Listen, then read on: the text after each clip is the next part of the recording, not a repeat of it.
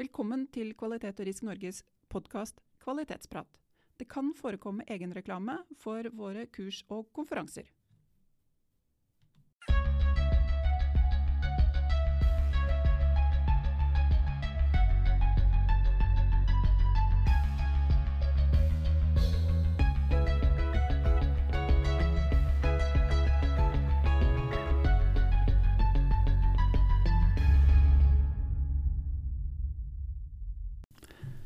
Kjære alle sammen, velkommen tilbake til Kvalitetsprat. Det er altså Kvalitet og Risk Norge sin egen podkast, hvor vi snakker om ulike aspekter om kvalitetsledelse.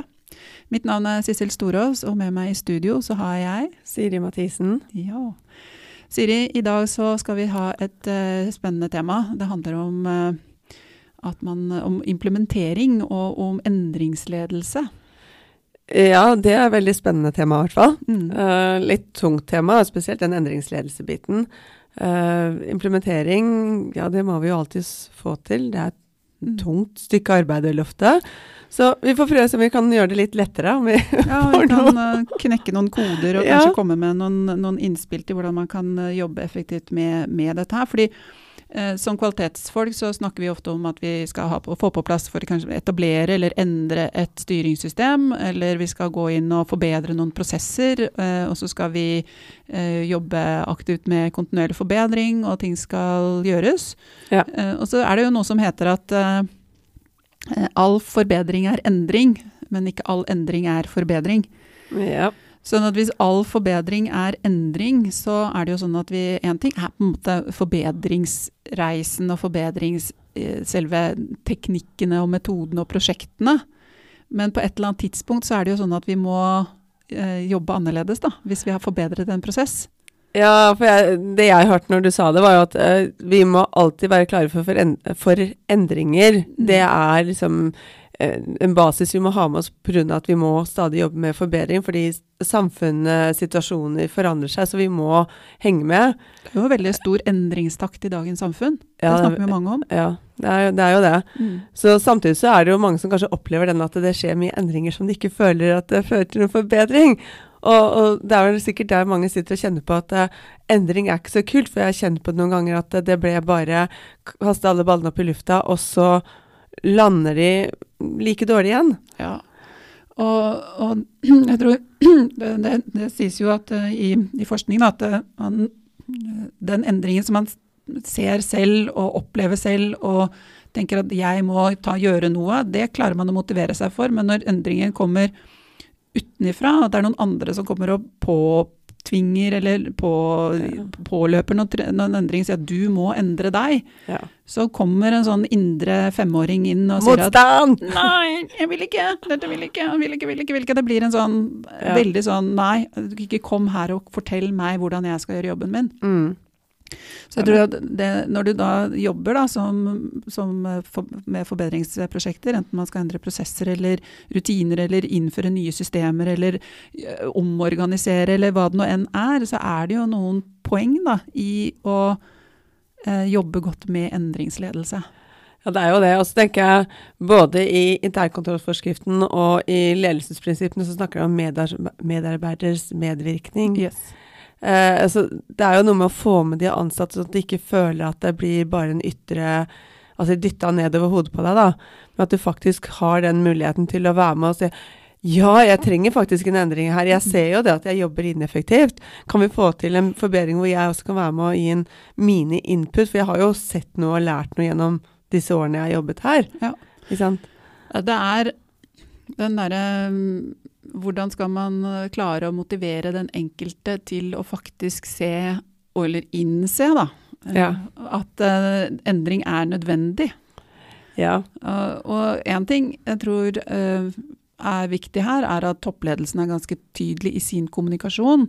Ikke bare at vi skal gjøre noe annerledes, men også sette seg ned og bruke tid til å diskutere bakgrunnen for å skape det som uh, Cotter, som er kanskje den mest kjente forfatteren innen, innen han snakker om 'create a sense of urgency'. altså Det mm. å liksom, få en sånn følelse av at dette haster faktisk. Dette er noe som vi uh, må gjøre. Få den, der, den instillert. Og det tror jeg må komme fra toppen. Ja.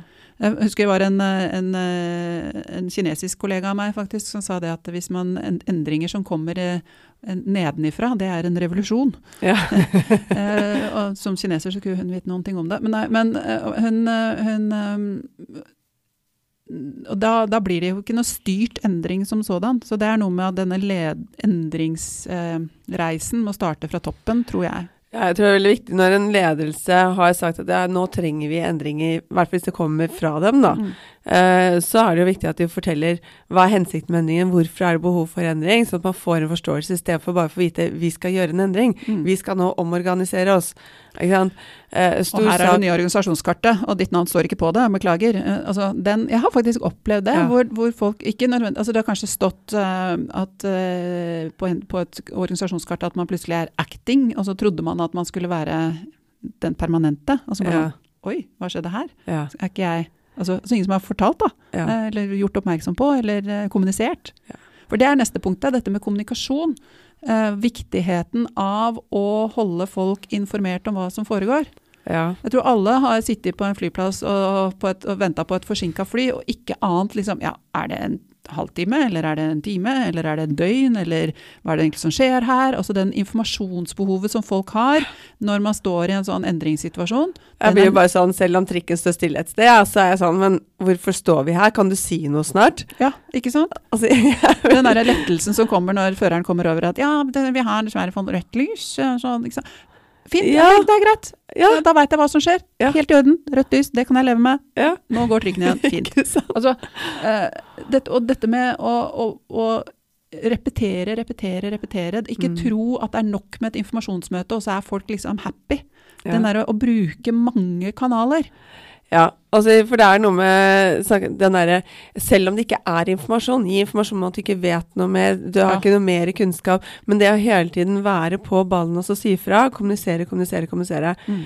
For gjennom coachingen så har jeg også lært meg at det er eh, at Uh, vi mennesker, vi er flinke til å fantasere. Ja, uh, jeg, kunne, jeg, kunne, jeg, kunne, sikkert lært uten å gå coachingstudie for det, men det er noe med at det, når vi ikke med, blir fylt opp med faktainformasjon eller informasjon, så begynner vi å fantasere opp hva den informasjonen kunne være. Jeg mister jobben, jeg får ikke den rollen, og, og, nå blir jeg satt til side. Altså, man skaper veldig mye indre frykt. Ja. Og når den frykten begynner å komme på plass, og, sånn som vi har snakket om også i annen podkast, sånn, når vi går inn i fight, flight or freeze og alt mm. dette her altså, Det skjer veldig mye rart med mennesker i den fasen. Eh, så hvis du ønsker å holde den altså den unna. Mm. Si at det, det, er trygt her, vi skal ta vare på deg. Får jeg informasjon, så har jeg sånn oh, okay. altså, altså, har folk litt ulike reaksjoner også. Eh, og Noe av det går litt på personlighet, og, og så er det litt type endring. Det er, som, det er, en ganske gammel modell faktisk som heter diffusion of innovation. Mm. Eh, og, og, det er en veldig artig liten videosnutt som heter 'How to create a movement', som man kan søke opp på nettet. Den er ganske fin. Den er som en TED-talk. Eh, tar ti minutter eller sånn, og den er ganske beskrivende. For det er noe som sier at eh, noen få prosent, 2-5 prosent kanskje, er sånne såkalte immediate acceptors, um, umiddelbare aksepter. Du kommer med noe nytt, de sier 'yes, kult', yeah, yeah, yeah, I'm in, I'm in, I'm in. Og så er mm. det eh, neste 10-15 som er sånn ja, dette hørtes jo kjempespennende ut, dette syns jeg var veldig greit. Og så er det en sånn normalfordeling på dette her, selvfølgelig. Så i andre enden av skalaen så har du de samme 2-5 som sier ikke for, ikke svarte, dette nekter jeg å være med på. Og de er egentlig ganske greie å forholde seg til, for de sier i hvert fall fra. Ja. Og så mm. er det da resten. Da er det jo da en sånn 10-15% som er såkalte stille skeptikere, mm. som ikke sier noen ting. Og så er det en, en sånn scene eh, som Ja, de er sånn positive, men litt sånn sitter på gjerdet. Mm. Det er noe som heter bohika. Bend over, here it comes again. Altså her kommer en ny trend eller en eller annen ny endringsmelding fra ledelsen. Nå er det bare å ligge lavt, og så går det sikkert over. eh, nå, bare, nå blåser dette her over, og så kan vi stikke huet vårt opp igjen når det er ferdig med den runden. Stikke huet i sanda, ja. Nei, ikke stikke huet i sanda, men heller sånn holde en lav profil og ikke ja. si så veldig mye, bare vente. Men hvis de ser at dette faktisk vedvarer, dette er ikke noe som slutter, så kommer disse her sene adopterne, de kommer gjerne etter hvert da. Ja. Så de, eh, men de stille skeptikerne er kanskje de aller farligste, fordi, mm. Eh, i mine øyne, for de sitter det er nesten som man jeg jeg være litt eh, crude her, da, men altså hvis man slipper en sånn eh, lukt eh, som ingen hører, men mm. man merker godt, for den sprer seg rundt i rommet og lukter veldig vondt. Det er sånne stille skeptikere. De sier ikke så veldig mye, og så begynner de å prate litt med den, og så begynner de å snakke litt med den, og så har de denne indre frykten som du snakket om, og så lager de sine egne fantasier, og så blir de fantasiene litt vel eh, sanne i deres øyne, så de begynner å snakke med noen andre. Ja, men hva hvis den, og hva hvis sånn, og så begynner ryktene ryktene å bre seg. Og så begynner man å si at nei, åh, dette er jo håpløst, og så kommer man med en masse sånn, så blir det sånn kos med misnøye. Ja. Og de, disse stille skeptikerne er eksperter på dette her. Det, og det er en sånn 10-15% av befolkningen som gjerne er det. Og det, ikke, det er ikke det samme menneskene hver gang, for da handler det om hvilken endring du kommer med. Noen syns at uh, nye IT-systemer er det beste i hele verden, uh, og er immediate acceptors, men mm. å innføre nye prosesser, da blir de stille skeptikere. Ja. Så de kan jo være veldig sånn både og, ikke sant. Uh, og, og, og, det å som endringsleder, da, hvis du har ansvar for implementeringen av f.eks. et nytt styringssystem eller et eller annet sånt, mm. så er det jo om å gjøre å finne frem til disse. Og så er det noe med å ha en bevissthet for, ja, egentlig hos deres ledere, de som er lederne. Hvis du har stille skeptikere blant ledergruppa di, så har du i hvert fall et problem, men ok. Men, men ta nå tak i, i, lederne deres, og få de til å være gode rollemodeller og ta disse vanskelige samtalene. Mm. Og hold den informasjonsflyten gående, sånn at man ikke Minst mulig rom for frykt, rykter, fantasering, eh, spekulasjoner osv. osv. Jeg tror mye seg om sånn snakker om å skape trygghet gjennom endringsprosessen. Altså, jeg er trygg. Uh, for noen har jo også kanskje vanskelige situasjoner på privatlivet, og når det kommer endring på jobb da, så kollapser jo på en måte hele verden uh, av og til. Så hvis de får den tryggheten på jobben hele veien. Altså, du får informasjon, du får uh, vite hva som foregår, for, får forståelsen. Og du så, blir involvert? Og blir involvert, ja. Mm. Så blir det mindre stress. Og å få bort det stresset, sånn at vi kan være produktive på jobb istedenfor å være i den angstsituasjonen. Mm. Jeg tror, altså, en måte å deale med disse skeptikerne, det høylytte eller stille, det er jo nettopp å ta dem på alvor. Ja. Uh, gå i dialog og hør hva er det dere er redd for. Ja. Hva er det dere tenker nå? Uh, hva er det dere ser for dere? Hvordan ville dere gjort det? Altså det å, å lytte til deres innspill, mm. og samtidig ikke bare lytte, men faktisk ta de innover dere. Bruk det som en sånn korrigerende faktor. Det er jo noe med når du skal inn i en sånn endringsprosess, så har du jo sjelden alle svarene. Du vet jo ikke helt nøyaktig hvordan den reisen skal gå. Det er noe med at du må ta litt sånn pø og pø, du må kanskje jobbe litt agilt, litt sånn prøve, teste ut, eh, eksperimentere. 'Å nei, det funka ikke, nei, nå må vi gjøre noe på en annen måte'. Altså, mm. Det er noe med å ta endringsprosessen som en prosess også. Ja. Og eksperimentere og prøve å feile litt. Og da faktisk være fair enough da, for disse skeptikerne til å lytte til dem og ta deres, eh, deres påvirkning eller deres innsigelser på alvor. Ja, jeg ser for meg at dette hørtes ganske morsomt ut å ha en leder som eller ledelse som var veldig interessert i den dynamikken. da. Altså Nå skal vi gå fremover, vi skal ha dynamikk i den, uh, den endringen. Mm. Vi starter her nå ved å si at, de tør å stå frem og si jeg vet ikke helt svaret, men dette er Altså vi har jo policyen og målene våre, vi har retningen vår, vi har disse tingene vi ønsker å oppnå.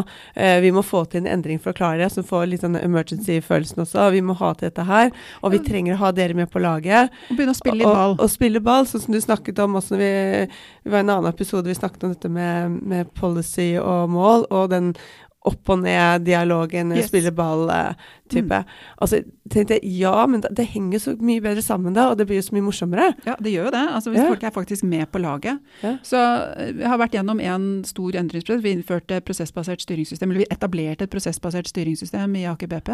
Ja. Og der hadde vi jo Vi satte vel opp 290 sånne flyter, arbeidsflyter, i løpet av et mm. års tid. Og dette var jo en fusjonsprosess, så vi hadde inne folk fra to ulike selskaper. Nesten tre ulike selskaper, avhengig av man, hvor langt man trekker det tilbake. Men det å få folk inn i et rom og begynne å snakke sammen om hvordan skal vi jobbe sammen, og tegne de prosessene, og så få på plass de prosessene som man i fellesskap så for seg. Det var en sånn utrolig integrerende faktor. Ja. Så når vi da skulle innføre dette styringssystemet, så var det jo mange som allerede hadde vært involvert. Mm. De kjente prosessen, visste hva den sto for, og kunne være ambassadører for den type læring og opplæring som vi da trengte. Mm. Fordi vi, vi, brukte en god del tid eh, i det prosjektet der på, i hvert fall på de som eh, var mer sånn sikkerhetskritiske, da, de som jobbet offshore spesielt. Ja. Hva er egentlig risikoen på den endringen vi innfører? Er det sånn at vi har tatt en eh, kjent prosedyre og bare skrevet den om til en prosess? Ja, da trenger de kanskje å lære seg hvordan man leser prosesser. Ja. Men hvis vi har virkelig gjort en hel radikal snuoperasjon på måten vi jobber på, Ja. så er det mye høyere risiko, særlig der det er sikkerhetskritisk og man jobber litt på, i farlige områder. Ja. Så da må dette trenes på. Da må man få god opplæring i dette. Så det, det er jo det neste med implementering. Det å gi folk opplæring. Ja. Eh, det å lage gode pedagogiske analyser, ha være klarhet i læringsmål, forstå hva slags virkemidler man skal bruke for å kunne gjennomføre den treningen. Mm. Er det nok med e-læring? Er det ok med en gjennomgang i et eh, møte? Eller trenger vi et eh, kurs? Eh, må vi ha folk inn i et klasserom? Må vi drive med simulering? Altså beredskap f.eks. Skal man ha nye beredskapsrutiner, så må man jo kjøre simulering på de rutin nye rutinene. ja, det blir veldig sånn hands on. Veldig hands on. Ja. Eh, Så det er også noe som man må tenke på når man innfører nye systemer. Hvordan er det egentlig vi skal kjøre opplæringen av eh, denne endringen? Ja, for det er en del som bare tar Du, nå har vi fått en ny prostyre eller en ny prosess her. Nå må dere lese den, Mm. og så er vi ferdig med opplæring. Jeg spurte jo det, det var en, en annen eh, en revisjon jeg var på, så spurte jeg kvalitetssjefen, det var nede i Nederland. Så eh, opplevde jeg han hadde et godt styringssystem, og så måtte jeg spørre han da, ja, hvordan er det du trener folka dine i å bruke styringssystemet? Ja. Svarte han da, I just told them, just read the effing document. Altså, det var hans læring. Det oppdra- det Ja, var hele. Bare, bare les det forbanna dokumentet, liksom. Altså, hallo! Nei, det er ikke sånn er ikke det godt. det er ikke godt nok. Men, så det å kommunisere og det å være tidlig ute, det å være konsekvent, det å gjøre det enkelt, det å repetere, Mm. det å gjøre det verbalt, ikke skriftlig. Snakk med folk. Ja, altså vi blir veldig fort akademiske i det vi driver med. Og det er, jeg tror det, det har tatt, tatt over helt, og det tipper jo over til å bli vanskelig å forholde seg til det. Mm. Og jeg ser sånn, Nå snakker jo flere institusjoner, også Nav, om å de må jo begynne å snakke med ord som folk forstår. Mm. Eh, og det trenger vi også i styringssystemene våre. Ja. Og sånn som du snakket om tidligere, så få det mye mer altså, ned til sånn down to earth, altså praktisk, eh, Mm. konkret. Ja, altså Skatteetaten de har vunnet en sånn klart språkpris Ja. nå for ikke så lenge siden. Det er ganske tydelig. Hvis du, blir, eh, hvis du får beskjed om at nå får du tvang, tvangsmulkt, eller du har ikke gjort det du skal, så er det ganske tydelig hva som skjer. Det er liksom null tvil. Ja, nei, men, okay. men altså, ja, det er noe med den, og den, ofte så er jo ting foregår skriftlig, Mm. eh, og det, man skjønner jo ikke hva som står der, og det bygger bare opp under mer frustrasjoner og mer spekulasjoner. Mm. Så det å ta den, eh, gjøre det for det første verbalt, og gjøre det toveis, Mm. gjør det til en dialog. Yeah. Sørg for at folk har et sted hvor de kan få stilt spørsmål, hvor de kan få utløp for sine eh, spekulasjoner, Mm. få avklart om det er tull eller ikke. Mm. Det er så utrolig viktig.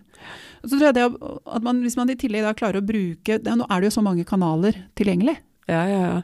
Så det er altså Altså jeg tenker bruk dem bevisst, og bruk dem eh, bruk mange, og, og bruk dem på en god måte. Mm. Så det er noe med å gjøre den gode analysen og si ok, hva er risikoen her, hva er endringen her, hva må vi da sette i gang med, hva skal vi sette, altså blir det sånn si, opplæring, kursing, hands on, osv.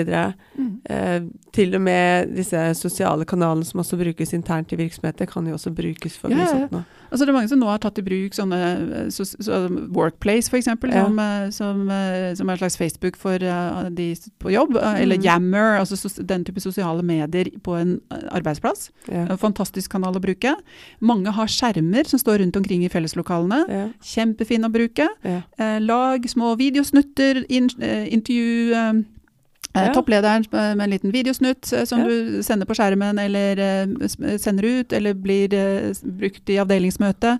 Eh, Podkast som vi driver på med, det å ta en sånn prat. Webmøter, Ja. kjempebra. Åpne videomøter hvor alle kan logge seg på. Har du verktøy som Teams, så er det nesten det er uendelig hvor mange som kan logge seg på et sånt webmøte. Mhm. Alle møter, dialogmøter, én-til-én, store, små. Altså bruk de kanalene som man har tilgjengelig. Mm. Det er vel eh, den måten å tenke på. Ja. Så da eh, begynner vi vel å nærme oss. Jeg har lyst til å eh, Ja, nå har vi snart 20 minutter, Siri. Ho, ho, ho. Ja, det var det jeg lurte på. Jeg tenkte nå, nå begynner det å bli Ja. Prater vi Eh, helt avslutningsvis, litt Ja. reklame. Jeg eh, holder på å få på plass et nytt kurs til Kvalitet og risk Norge, eller KRN Academy. om nettopp forbedringsledelse og endringsledelse. Ja. Det blir tre dager, og første kursrunde er i, planlagt til mai. Så det finnes mer informasjon om det kurset på KRN Academy sine hjemmesider, eller via qrn.no. Så hvis dere har lyst til å få mer diskusjon rundt dette, lære mer, eh, så er det bare å ta kontakt. Så skal vi få satt opp et kurs i endringsledelse og forbedringsledelse ganske så snart. Ja. Ja. Det høres spennende ut. Det er spennende. Men da sier vi takk for i dag, da. Ja. Yes. Greit, du. Okay. Ha det bra. Ha det. Programledere for denne podkasten var Siri Mathisen og Sissel Storås. Eh, Ansvarlig produsent er Torolf Paulshus. Produsent er Bent Vigeland. Administrativt Anlegg Åstad. Musikk Karsten Boe. Studio har vært i KRN sine lokaler i Sandvika, og vi har fått teknisk bistand fra Jakob Storås hos S Media ungdomsbedrift.